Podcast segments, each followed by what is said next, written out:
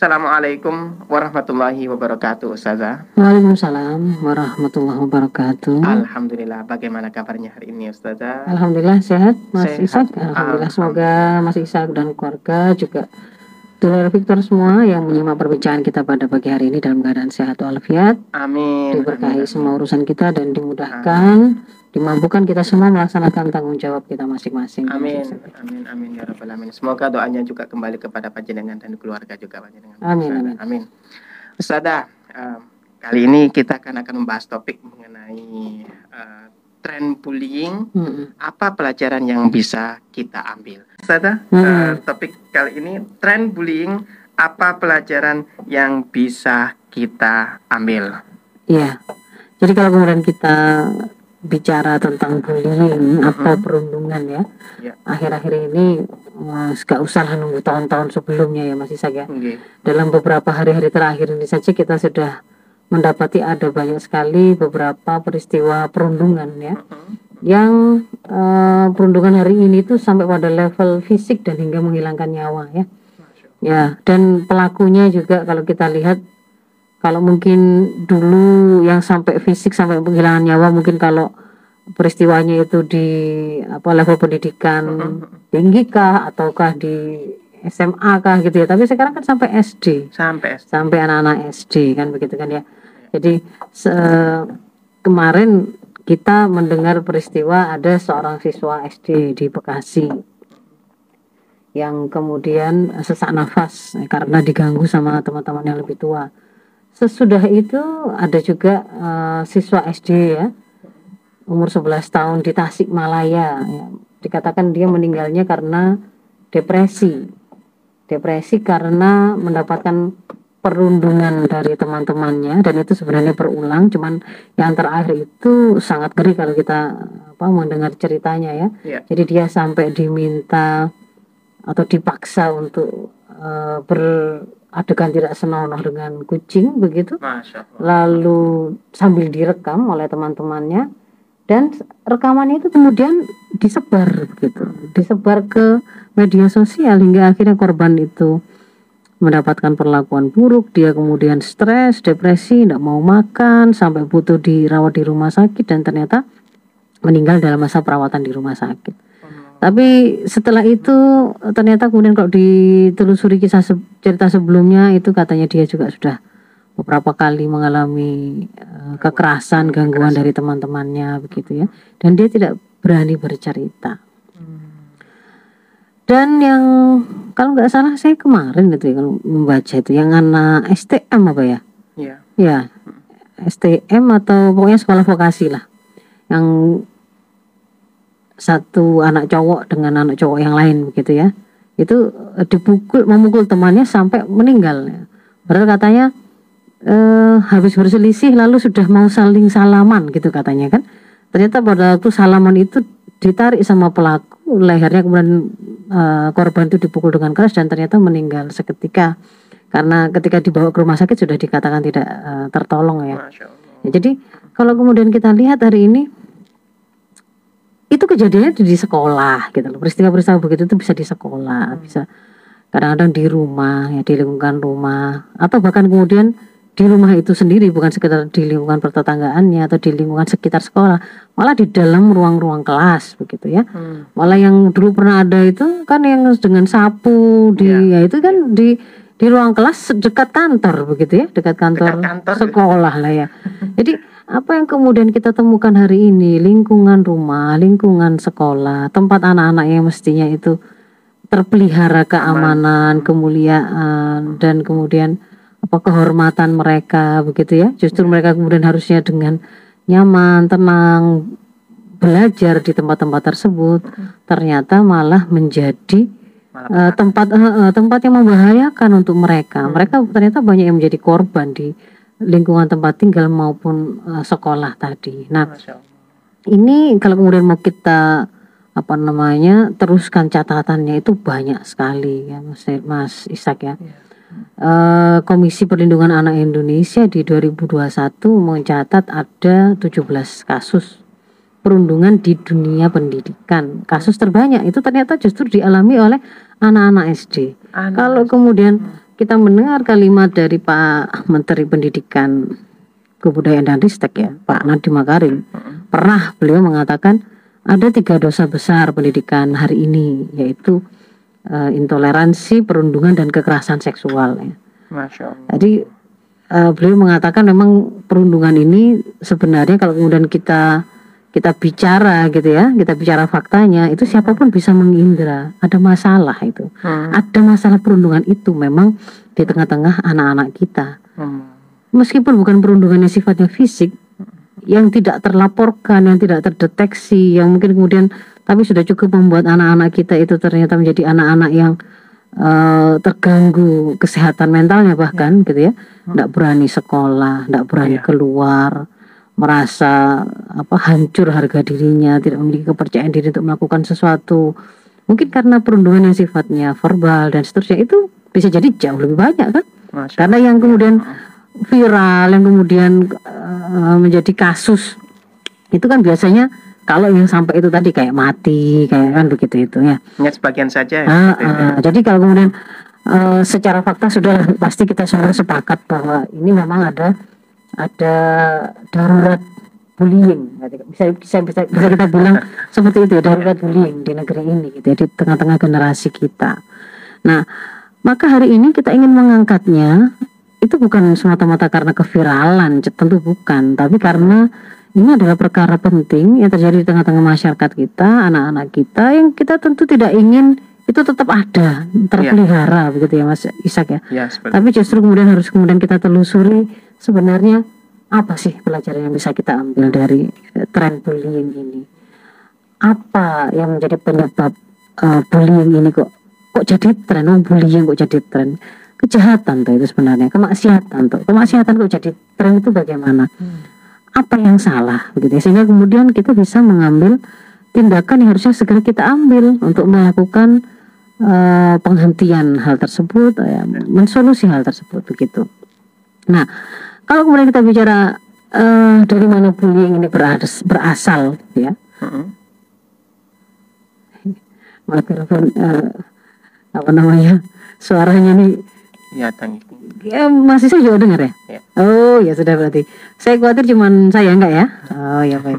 Berarti ini mohon maaf ini eh, eh, sahabat sahabat-sahabat yang sedang menyimak perbincangan kita kalau ada suara seperti ngik-ngik itu ya memang Ya. memang dari sini ya. ya baik.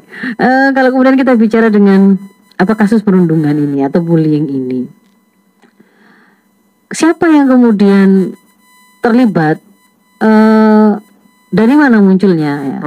Coba kita telusuri satu-satu ya, Mas Isak ya. Ya. Yang pertama pasti ya, ya dari sang anak itu, ya kan? Anak itu kan pelakunya kan ya. Nah, kan anak itu pelakunya. Nanti anak ini pelakunya ini harus kemudian kita untuk bisa me- mendapatkan penelusuran yang sahih terkait dengan apa namanya siapa penanggung jawabnya itu harus kita pilah itu anak itu kemudian berusia berapa ya. Hmm. karena kalau kemudian dalam konsep Islam eh, sebelumnya disclaimernya ya disclaimer kita kita sampaikan bahwa ketika kita membahas parenting di sini termasuk ketika mencoba mencari solusi atas persoalan bullying ini kita menggunakan sudut pandang eh, pisau analisa perspektif Islam memang Hmm. sehingga kemudian juga per- eh, penawaran solusi yang kita lakukan juga dalam perspektif Islam. Kenapa begitu? Kalau kemudian ada bertanya kenapa begitu? Satu, karena kita memang adalah Muslim ya. Ket- Keterikatan kepada syariah Islam itu adalah konsekuensi dari pengakuan keimanan yang kita lakukan. Nanti silakan itu eh, dibuka itu An-Nisa 65 ayat-ayat tentang perintah untuk masuk ke dalam Islam secara kafah gitu ya. Yang intinya itu adalah kalau memang kita ngaku mukmin ya mestinya memang kita itu kemudian mengambil jalan hidup Islam gitu ya. Termasuk dalam menyelesaikan persoalan ini. Dan yang kedua eh, Islam yang kemudian kita temukan itu dengan kesengajaan bukan bukan tidak sengaja kita itu memilih jalan hidup Islam ini sudah diberikan oleh Allah kesempurnaan ya. Di Al-Maidah ayat 3 sudah jelas disampaikan di- eh, bahwa Islam itu sudah diridhoi oleh Allah untuk menjadi agama kita dia sudah disempurnakan. Kalau ditambah dengan di An-Nahl 69 dia itu sudah diturunkan dalam bentuk yang tibyanan likulli syai' penjelas atas segala sesuatu. Sehingga apa persoalan yang kita mau tanyakan itu sudah ada gitu sudah ada. Biar kita nggak Hmm. nggak trial and error nyari-nyari ternyata nggak ketemu jawabannya. Nah kita Ya. sudah dapat jaminan dari Allah bahwa apa yang diturunkan oleh Allah itu dalam bentuk syariah ini itu sudah tibyanan likuli syai. Alkitab itu sudah diturunkan eh, eh, untuk menjelaskan segala sesuatu termasuk persoalan-persoalan yang kita butuhkan solusinya. Nah, itu mengapa kemudian kita mengambil Islam. Nah, kalau kemudian kita bertanya kepada Islam, nah, para pelaku bullying ini itu ada yang anak-anak, ada yang anak-anak yang wiru mukallaf, ada yang anak-anak yang mukallaf sudah. Bukan anak-anak berarti ya, sudah dewasa Sudah statusnya. dewasa, Nah, statusnya itu sudah dewasa. Mukallaf itu sudah terbebani hukum, dia sudah kemudian eh Bisa membedakan eh, eh, dia sudah sudah berhak untuk diberikan apa namanya pertanggungjawaban begitu ya, atas segala apa yang dia lakukan sendiri. Tidak bisa dia menyalahkan orang lain kemudian dia dianggap tidak punya salah apa-apa itu tidak ada bisa. Sehingga kemudian tidak boleh dijatuhi hukuman pada mereka meskipun statusnya pelajar. Meskipun statusnya mahasiswa dan begitu kan ya. Karena kalau hari ini definisi anak itu bisa sampai umur 19 itu. Bisa sampai umur 19 itu. kalau pakai pakai aturan sekuler hari ini itu ya. Nah, kalau kemudian dalam Islam ada beda antara anak-anak yang ghairu mukallaf dengan anak-anak eh kok anak dengan orang yang sudah mukallaf ya, yang ya. sudah terbebani hukum. Kalau sudah terbebani hukum maka di situ berlaku hukum secara lengkap secara sempurna sebagaimana orang dewasa yang lain. Jadi dia sudah diminta pertanggungjawaban atas apa yang dia katakan. Kalau misalnya dia mengeluarkan kalimat-kalimat bullying-bullying di situ, ejekan orang dan seterusnya, itu akan ada pertanggungjawaban ya. Kalau kemudian dia melakukan gangguan dengan lisannya, dengan tangannya, dengan eh, apa namanya gesture, gest isyarat yang kemudian dia lakukan begitu ya, atau kemudian dengan tindakan-tindakan fisik atau apa pun itu dalam berbagai macam level ya, semua sudah ada pertanggungjawaban di sisi Allah, ada catatan amalnya kan Untuk begitu kan. yang, Untuk eh, yang mukallaf, ukurannya yang mukallaf. mukallaf sendiri umurnya berapa? Mukallaf itu adalah akil dan balik, ya kan? Kalau untuk saat ini Ah. di- Kalau Hmm, kalau secara kalau secara fikih kan Mm-mm. akil eh, balik itu adalah ketika ditandai dengan kematangan organ-organ reproduksi kan Ya. begitu kan ya yang kalau kita bisa melihat dari tanda-tanda seksual sekundernya yang terlihat di luar misalkan kalau laki-laki Apa itu? itu nanti ada jakun, ada ya. perubahan suara, ada perubahan eh, tubuh ya yang lebih tegap dan seterusnya, ada ikhtilam, itu basah kan gitu kan ya.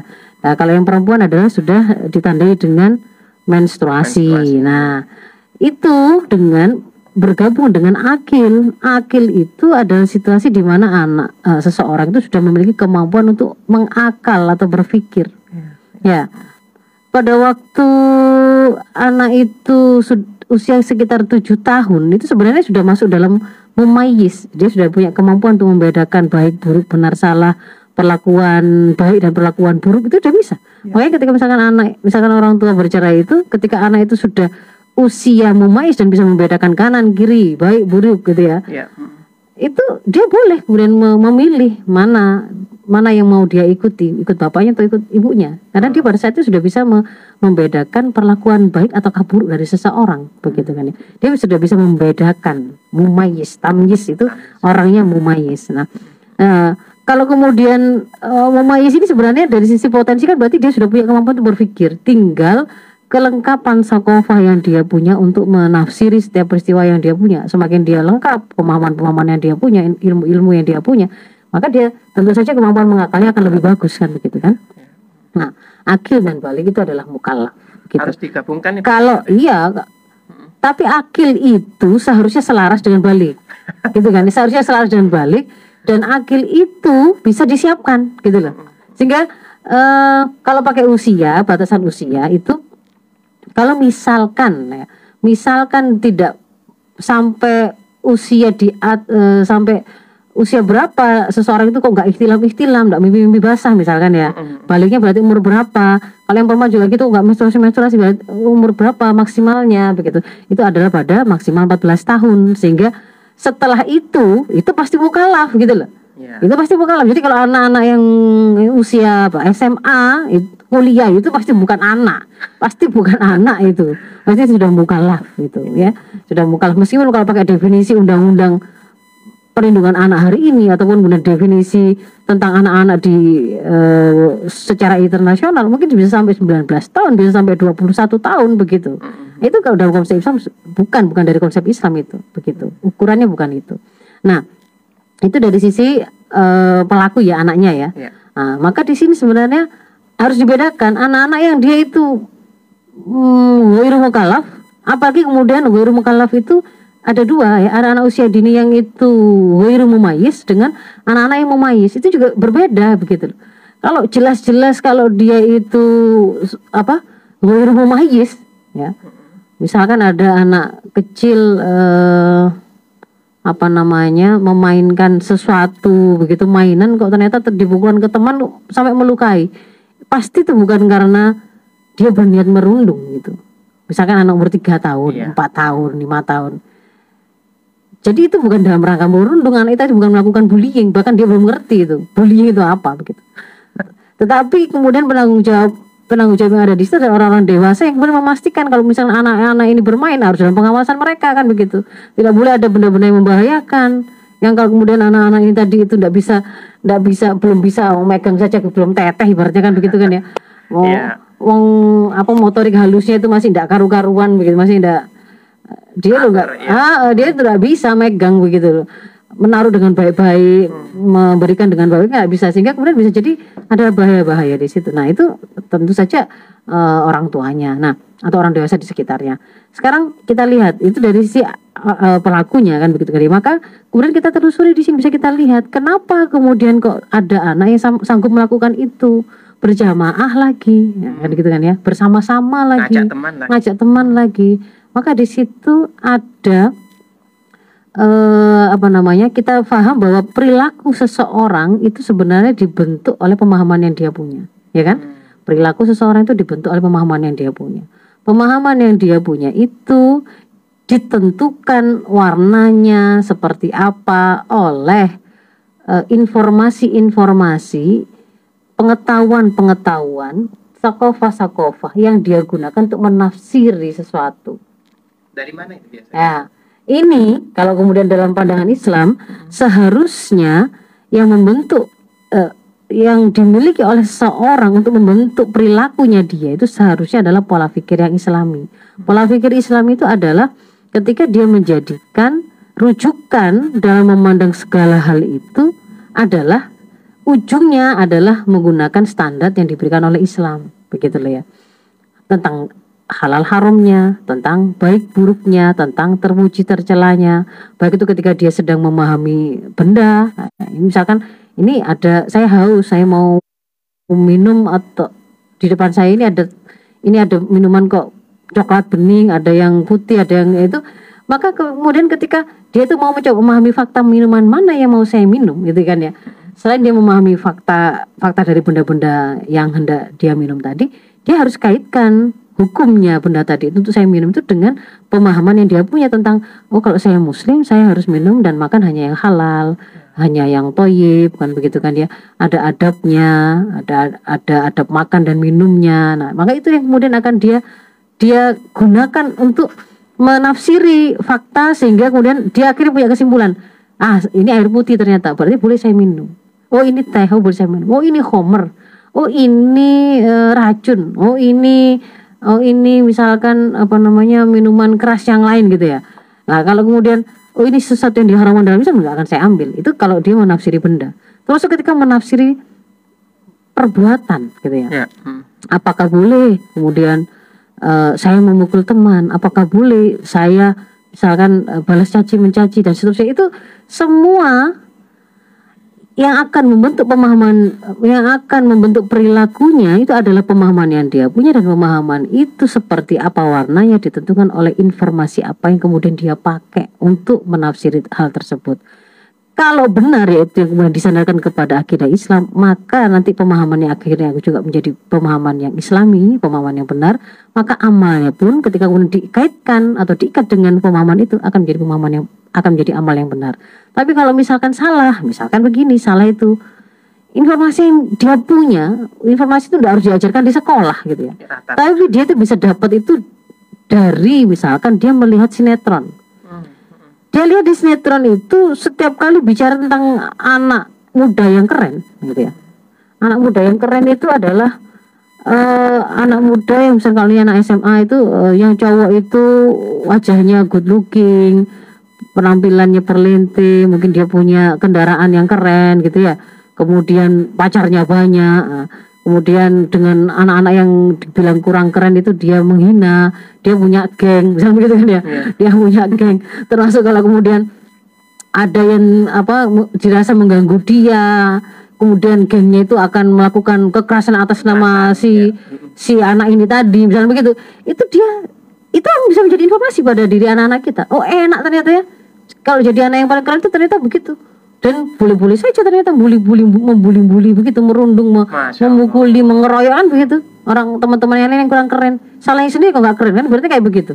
Hmm. termasuk juga dia akan belajar oh ternyata pacaran nggak ada masalah. Nggak malah keren itu itu keren gitu loh. Ada titik trek-trekan itu trek-trekan. Iya. sampai kemudian kalau perlu marah-marah sama orang tua yang minta dipenuhi dibelikan motor yang bisa dia predeli untuk trek-trekan itu juga keren. Nah itu dia belajar dari mana? Dari informasi-informasi dia terima. Kan begitulah informasi itu dia jadikan sandaran misalnya begitu untuk menentukan dan membentuk pemahamannya ya tentu salah pemahamannya pemahaman yang salah yang menentukan amal yang salah kan begitu nah maka di sini kemudian mau kita telusuri itu dari mana? Dari mana anak-anak itu mendapatkan pemahaman yang kemudian akhirnya melahirkan perilaku yang salah itu? Nah, kita akan bicara tentang siapa saja pelaku pendidikan anak atau generasi. Awalnya, awalnya basic awalnya itu pasti adalah rumah dan orang tua. Rasul sendiri sudah mengatakan mamin mauludin illa yuladu alal fitrah, ya kan? Tidak ada seorang bayi pun yang lahir kecuali dia lahir dalam keadaan fitrah. Fa abawahu yuhawidani au yunasirani au yumajisani. Kedua orang tuanya lah yang kemudian akan membuat anak ini tadi mau jadi Yahudikah, Nasronikah, Majusikah. Berarti berawal dari ada guru pertama di situ, peletak dasar warna kepribadian sang anak. Sekolah pertama anak itu adalah rumah, itu adalah bapak ibunya. Termasuk di sini adalah yang mengajarkan anak-anak itu ini bukan sekedar informasi-informasi yang membentuk kognitifnya, termasuk rasa yang dia punya, ya. Mengenali bahwa dia itu mempunyai naluri untuk melangsungkan apa namanya untuk mempertahankan eksistensi diri ya naluri Uriza Bako dia suka suka dipuji suka mendapat pujian suka kekuasaan. Ini kalau pada orang dewasa penampakannya bisa cinta jabatan cinta harta cinta kedudukan. Ini kalau pada anak-anak mungkin ya dia suka menjadi orang yang dianggap hebat gitu ya. Anak yang dianggap keren yang disukai oleh teman-temannya. Jadi primadona jadi rebutan misalnya begitu. Jadi Iya, iya. eh, orang anak-anak yang dianggap pengaruhnya paling bagus paling besar misalnya begitu. Nah itu persoalan mengenali goriza dan kemudian anak-anak ini memiliki pemahaman yang benar tentang goriza tersebut. Bagaimana cara pemenuhannya? Kalau kemudian seorang anak tidak pernah kemudian dia diajarkan tentang membela diri misalkan ya membela diri. Jadi setiap kali dia itu misalkan bermain dia kan punya punya mainan. Ada anaknya anak eh, ada teman lain yang juga kemudian menginginkan mainannya. Kan wajar kan kemudian bisa jadi ada rebutan ya kan? Nah naluri naluri anak-anak tadi yang punya goriza bakok tadi yang satu dia pengen oh kok itu kok bagus ya? Kan dia ingin memiliki. Ingin Nah. memiliki tadi ya. naluri dari sang anak yang memiliki barang tadi sama dia juga punya goriza bakok. Ini punya saya kok direbut? Kan gitu kan ya? Nah sama-sama karena berada naluri. Tetapi bagaimana bukan nalurinya yang salah gitu loh. Tetap dia itu menciptaan Allah tetapi bagaimana kemudian anak-anak tadi itu belajar mengenali oh ini ternyata adalah perasaan yang akan buat dia itu sedih ataukah senang ini ini ini ini rasa nyaman ini rasa disayang ini rasa dihargai gitu ya. Itu yang mengajarkan orang tuanya. Termasuk bagaimana bagaimana me- me- memenuhi kebutuhan-kebutuhan akan perasaan tersebut. Itu juga orang tuanya. Orang tuanya. orang tuanya ya. Yang orang-orang yang gitu ya. mengawali tadi. Nah termasuk di situ misalkan kalau seorang anak misalkan sejak awal dia tidak pernah diajari bahwa kalau misalkan dia itu di direbut barangnya dia tidak suka dan gitu. Atau dia kemudian tiba-tiba dipukul temannya dia merasa tersakiti. Tapi yang kemudian diajarkan oleh orang tuanya adalah sudah kasihkan. Suruh ngalah terus suruh ngalah terus benar begitu ya. Tanpa kemudian dia dikenal bahwa "Loh, sebenarnya dia punya hak loh. Dan saya kan harus harus harus aman tidak boleh kemudian sampai ada yang menyakiti saya tidak boleh ada yang membahayakan saya kan tidak boleh ada yang mendorong saya tidak boleh ada yang memukul saya tidak boleh ada yang kemudian menghina saya. Dia tidak diajari itu tetapi sudah kasihkan saja, pinjamkan saja, kan gitu. Terus terusan sampai kemudian akhirnya membentuk pada dirinya itu sebuah sebuah persepsi tentang oh ternyata kalau ada orang yang melakukan sesuatu yang tidak baik menurut saya, yang tidak nyaman untuk saya, yang benar itu adalah ngalah gitu. Satu sisi itu akan memunculkan sebuah mentalitas yang tidak tepat pada waktu saat dibutuhkan untuk dia tuh fight. Dia tidak akan fight kalau seperti itu. Dia dipukul temannya langsung menerima. Menerima. Nah, padahal siklus perundungan itu terjadi ketika ada anak yang merasa kuat, kemudian dia melakukan perundungan pada orang yang dikira dirasa itu lebih lemah, kemudian yang lemah itu membiarkan. Tidak ada satu keberanian sedikit pun, tidak ada sebuah perlawanan sedikit pun. Ya, itu kemudian membuat siklus itu semakin terulang lagi. Ketika terulang, yang satu semakin si korban semakin merasa memang aku ini sangat lemah, tidak bisa apa-apa, wis pokoknya memang ini nasibku begitu. Yang satunya semakin merasa di atas angin, jadi semakin mengulang-mengulang lagi. Jadi satu sisi akhirnya anak ini tadi karena salah asuh dalam hal mengenalkan rasa perasaan naluri itu dengan tepat gitu ya. Dan bagaimana kemudian pem- pembeli apa pemenuhan terhadap kebutuhan naluri tersebut bisa memunculkan sebuah eh apa Karakter. namanya ya. eh, karakter mental yang seperti itu yang tidak tepat. Satu sisi yang satunya tadi yang ketika kemudian dia melakukan tadi itu ya karena karakternya mungkin dia merasa lebih berani dominan gitu kan ya. Dia merebut tapi tidak pernah diingatkan. Sudah biarkan yang namanya anak-anak. Maka dia juga tidak akan merasa bahwa Iya. ini salah gitu. Dia bakal mendorong temannya sampai nangis. Dia bahkan merebut ini juga ternyata juga dibolehin. Maka dia akan merasa oh dengan cara seperti itu dia bisa mendapatkan apa, yang dia butuhkan apa yang dia inginkan. Kan dia ingin itu kan mem- memiliki segala sesuatu. Memiliki ini memiliki itu nah kemudian oh, ini dibolehkan. Nah maka itu juga akan membuat sebuah mental yang tidak sehat juga tidak benar juga. Berawal dari situ juga. Sebelum nanti kemudian ada perjalanan untuk membentuk pemahaman. Nah kan akil tadi kan proses juga. Penanaman pem- kemampuan berpikir itu kan nanti sambil jalan. Tapi naluri itu juga berpengaruh begitu loh. Ya kan? Jadi nggak semata-mata karena diajari hanya diajari secara kognitifnya tetapi ketika dia tidak dibesarkan dengan dengan proses eh, pemenuhan terhadap naluri-naluri yang benar di awal fase kehidupannya itu juga bisa memunculkan karakter anak yang suka membuli, suka memaksa, suka tidak mengenal empati. Ada ada yang kemudian melahirkan anak-anak yang sejak awal juga ber apa namanya bermental kalah, bermental tidak mungkin tidak mungkin melawan, tidak sanggup melawan kan begitu. Dan itu akhirnya akan ketemu di dunia nyata nanti itu menjadi satu yang memunculkan peluang terjadinya bullying tadi dan mem- me- melestarikan bullying itu tadi begitu ya. Itu awalnya. Tapi kalau kemudian kita terusin lagi ke semakin dalam perjalanan pertumbuhannya begitu kan ya. Maka sebenarnya amal tadi kan tetap bisa harusnya bisa dikoreksi dengan pemahaman. Nah, faktanya kemudian hari ini ternyata pemahaman yang mereka butuhkan ya seharusnya dibu- dibutuhkan oleh, anak-anak kita itu kan satu proses pendidikan yang akan mencetak mereka memiliki profil berkepribadian Islam, solih, solih, taat pada syariah, muslih, dia itu siap untuk kemudian eh, melaksanakan syariah tadi dan juga kemudian me- me- mempertahankannya dan juga mengoreksi ketika ada kesalahan di luar dirinya. Jadi misalnya ada kemaksiatan begitu kan ya. Jadi dia tidak hanya soleh sendiri tapi dia juga muslim. Dia akan berusaha memperbaiki. Dia tidak rela misalnya ada temannya kok lu kok ngolok-ngolok seperti itu dengan temannya yang lain. Dia kalau dia tuh paham bahwa sudah terbentuk karakter soleh dan muslihnya tadi, maka dia akan berani untuk kemudian mengingatkan temannya yang sewenang-wenang tadi atau mungkin melaporkan ke orang yang dianggap lebih mampu. Atau mungkin kemudian mencari pertolongan. Itu ada ada keberanian untuk me- mengoreksi situasi salah gitu loh. Itu karakter yang seharusnya dimiliki oleh anak-anak kita.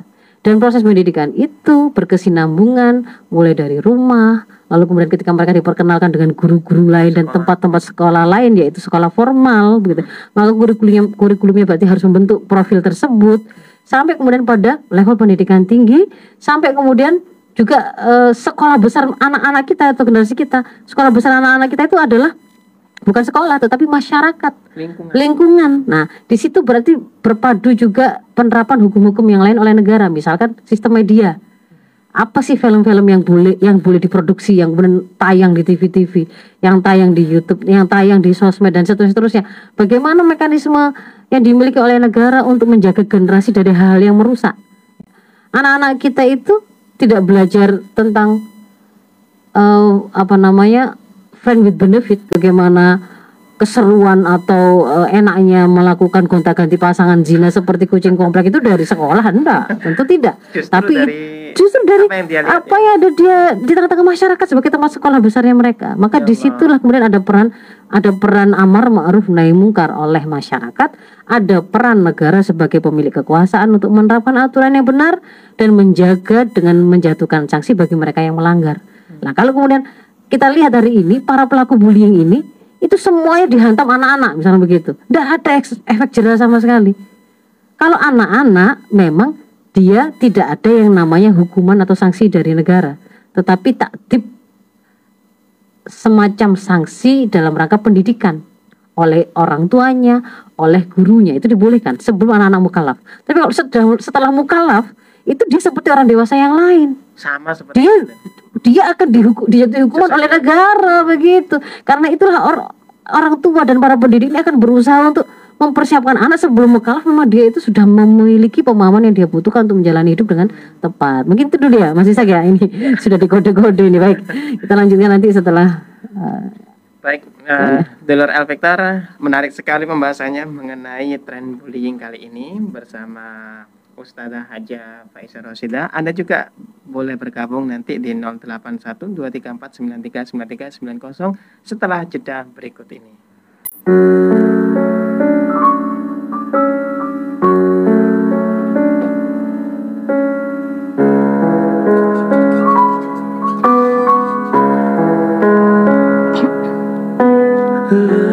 Baik, dulu reflektor kita lanjutkan kembali ngaji kita ngaji parenting bersama Ustazah Haja Roshida Faiza. Ustazah sudah ada yang masuk pertanyaan yang pertama ini. Apa boleh masuk ke pertanyaan? Pertanyaan. Ini mengenai eh, dari mana ini ya Ibu siapa? Tidak, Ibu Indah ya. Dari Ibu Indah. Assalamualaikum Ustazah. Waalaikumsalam.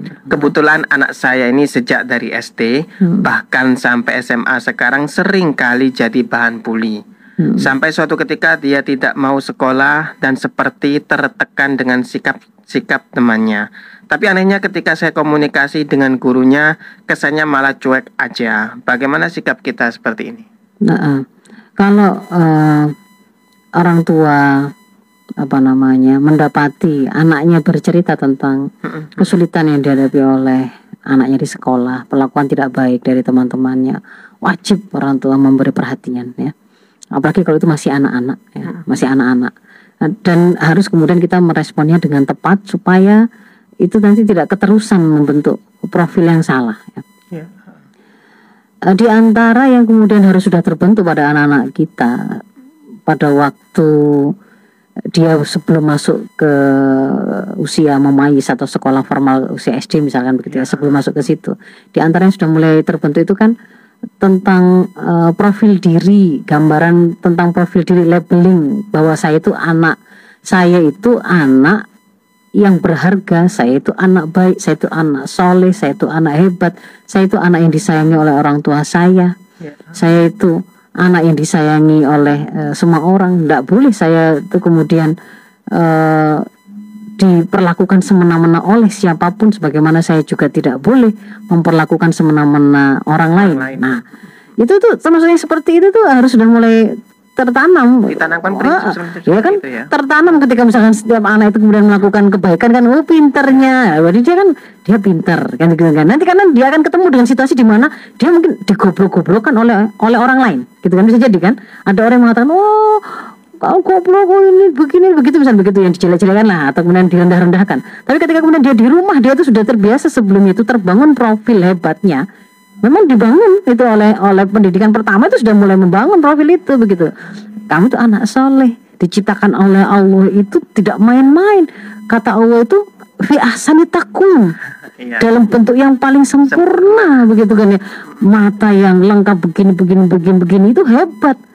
Itu itu keren gitu loh itu itu namanya ganteng itu namanya cantik begitu jadi ketika, kemudian ada orang yang kemudian menghinanya menghinanya kemudian persoalan fisik misalkan oh kok matanya begini oh, matanya sipit oh matanya besar oh bibirnya tipis bibirnya ini rambutnya krewel atau misal begitu ya Ya. maka dia sudah mengerti bahwa itu kan ciptaan Allah Hmm. memang dia itu berarti sedang menghina ciptaan Allah. Ini sesuatu yang sifatnya akidah sebenarnya sudah bisa ditanamkan sejak awal, begitu. Sudah bisa ditanamkan sejak awal. Termasuk ketika nanti semakin semakin dia besar, kita kan sudah mulai bisa memberikan pemahaman yang sifatnya mulai abstrak. Misalkan inna akramakum indallahi atqakum. Oh, sebenarnya yang keren itu bukan anak-anak yang dia itu sudah punya HP dibelikan oleh orang tuanya HP. HP-nya ada gamenya apa atau sepedanya mereknya apa. Dia ya. punya mainan apa? Ah, sama sekali tidak hebat, nah.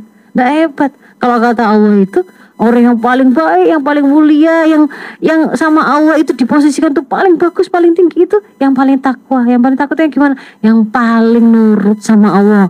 Disuruh sholat, oh dia ternyata yang paling rajin sholat. Keren. Kamu keren. Kamu hebat. Selalu sholat lima waktu. Coba temanmu bagaimana? Gitu. Kalau mereka tidak melakukan sholat itu, berarti kalah hebat sama kamu. Meskipun dia mengolok-olok kamu begini begini gitu ya, misalnya yang jelek-jelek begitu, yang kita mungkin tidak biasa menirukan dan tidak bisa mendengar itu, kita katakan itu nggak membuat kamu jadi jelek karena sesungguhnya Allah yang lihat, Allah yang tahu. Semua orang yang baik juga ngerti anak baik itu seperti apa. Kalau kalimatnya, mulutnya itu mengatakan kalimat-kalimat yang buruk, padahal kan tadi kata Allah yang paling mulia itu anak yang paling bertakwa yang paling nurut sama Allah. Wong Allah mengatakan faliyakul khairan aulia semut. Ngomong baik saja. Kalau nggak bisa diam. Kan kita mulai bisa ajarkan itu Ya. begitu. Artinya Ha-ha. untuk eh, pertanyaan tadi kita sebagai orang tua kita harus Ah, memberikan motivasi. Jadi kalau misalkan sejak ak- misalkan menemukan ini kasusnya misalkan SD ya, kita ketemu begitu kuatkan profil itu, kuatkan profil itu supaya kemudian dia itu memiliki memang kepercayaan diri dari dalam berdasarkan pemahaman yang benar, berdasarkan keterpenuhan kebutuhan dia akan akan pujian, akan kasih sayang supaya membuat dia secure begitu loh ya. Itu itu harus di, di, di saat itu sudah dipenuhi. Jangan jangan dianggap remeh lalu dibiarkan. Ketika dibiarkan tadi tuh nanti dia mulai merasa sudahlah memang berarti ya nggak apa-apa berarti kalau saya itu di di oleh seperti itu memang aku yang begini ini memang kulit itu hitam memang aku itu kriwul memang kayaknya memang kriwul itu memang nggak keren buktinya di di apa di TV itu namanya iklan sabun tidak pernah ada rambut kriwul adanya itu yang lurus misalnya begitu kan ya. nah jadi dia akhirnya menafsir-nafsiri sendiri kan dengan pemahaman yang salah maka itu harus segera diluruskan oleh orang tuanya saat itu termasuk kebutuhan dia untuk merasa ini merasa disayang gitu berharga kan dia mengira oh, ternyata dia sampai nangis nangis cerita juga bapak ibunya juga nggak pay attention nggak ngasih perhatian perhatian. Ah, dia akhirnya kan merasa sendirian. Sendirian. Ya sudah lah besok nggak usah cerita lagi. Masya Kalau dia mendapatkan perlakuan seperti itu tak simpan saja. Bahkan kita sampai mengalami misalkan sodomi bahkan ternyata dia diam saja akhirnya. Nah itu sesuatu yang malah keliru. Jadi prinsip pertama ketika orang tua mendapati ada anak yang seperti itu harus perhatian, cari tahu, cari tahu. Kalau memang kemudian ternyata memang dari penelusuran tadi itu kita menemukan oh ternyata anak saya yang terlalu over over sensitif gitu ya, terlalu lemah cara mau temannya sih nggak nggak sampai membuli, cuman dia Menyikapinya. Ah, ternyata dia yang Ya. dia yang ternyata terlalu lebay dalam melihat fakta itu. Kita bisa bisa me- menunjukkan kepada dia bagaimana tafsiran atas satu peristiwa tadi, misalkan begitu. Tapi kalau misalkan ternyata dalam penelusuran kita kita menemukan, oh iya ini ada yang tidak tepat ini, temannya ini ada yang salah ini, Hmm. begitu. Maka kalau seperti itu kita ajari anak kita melawan, karena itu untuk mem- mem- membuat dia itu memiliki eh, kemampuan untuk memenuhi naluri mempertahankan dirinya dengan benar. Ya. Ya. Kalaupun misalkan nanti itu dia dalam keadaan punya kemampuan fisik bahkan bisa silat, ya, badannya kuat untuk kemudian melawan, tapi kemudian dia, dia tidak memilih melawan pada saat, saat satu saat nanti misalkan begitu. Tetapi itu bukan karena dia lemah gitu loh. Jadi dia ajari untuk melawan dulu. Mau kemudian ternyata itu kemudian ternyata dia eh apa namanya hari ini tuh dia itu sangat misalkan fisiknya tuh jauh lebih kecil begitu ya. Tapi keberanian itu harus muncul. Nggak boleh kamu nggak boleh ada yang menendang kamu nak. Nggak boleh ada yang kemudian memukul kamu padahal kamu nggak melakukan apa pun. Itu nggak boleh. Wong wong kata Allah itu semua tubuh kita ini itu diciptakan dengan penuh kemuliaan. Nggak boleh ada yang mencederai. Kalau ada yang melanggar misalkan ya satu gigi sampai dirontokkan itu loh bahkan di, boleh diminta ganti giginya tadi itu dilukai yang sama dan begitu. Jadi ini nggak main-main, nggak boleh ada yang menyakiti kamu. Jadi kalau kamu ada yang melakukan seperti itu, ingatkan, hei jangan lakukan begitu, begitu ya. Kamu harus sampaikan, kamu harus dengan sekeras yang kamu bisa, kamu harus tunjukkan bahwa kamu tidak menerima itu. Kalau kamu lakukan seperti itu lagi, begitu ya, aku mau laporkan ke guru atau kemudian sampaikan ke orang tuamu Ya. orang tuaku akan ke rumahmu dan seterusnya itu harus di, ditunjukkan bahwa dia harus melakukan perlawanan Harus tegas. ya, Mm-mm. Ustazah, ya. Nah, di situ dia bisa dia paham bahwa oh dia harus melawan. Satu saat misalkan kemudian dia itu punya kemampuan yang lebih daripada musuhnya tadi, dia lalu kemudian memilih untuk tidak melawan tapi mempertahankan apa namanya mengendalikan diri.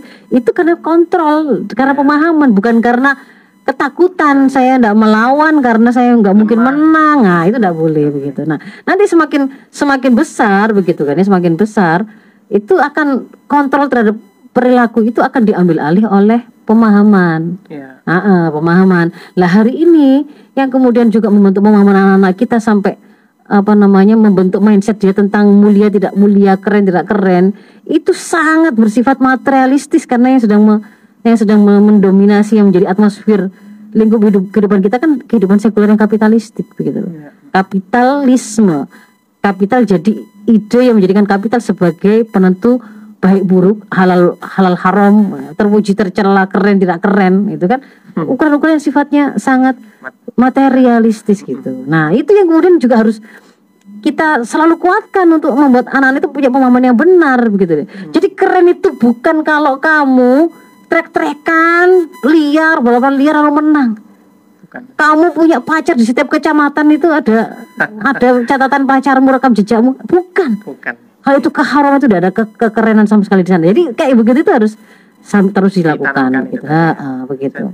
Bagaimanapun juga untuk menyelesaikan secara tuntas persoalan bullying ini tadi dikembalikan kepada pelaku yang bertanggung jawab atas pendidikan generasi itu tidak hanya orang tua, tidak hanya rumah.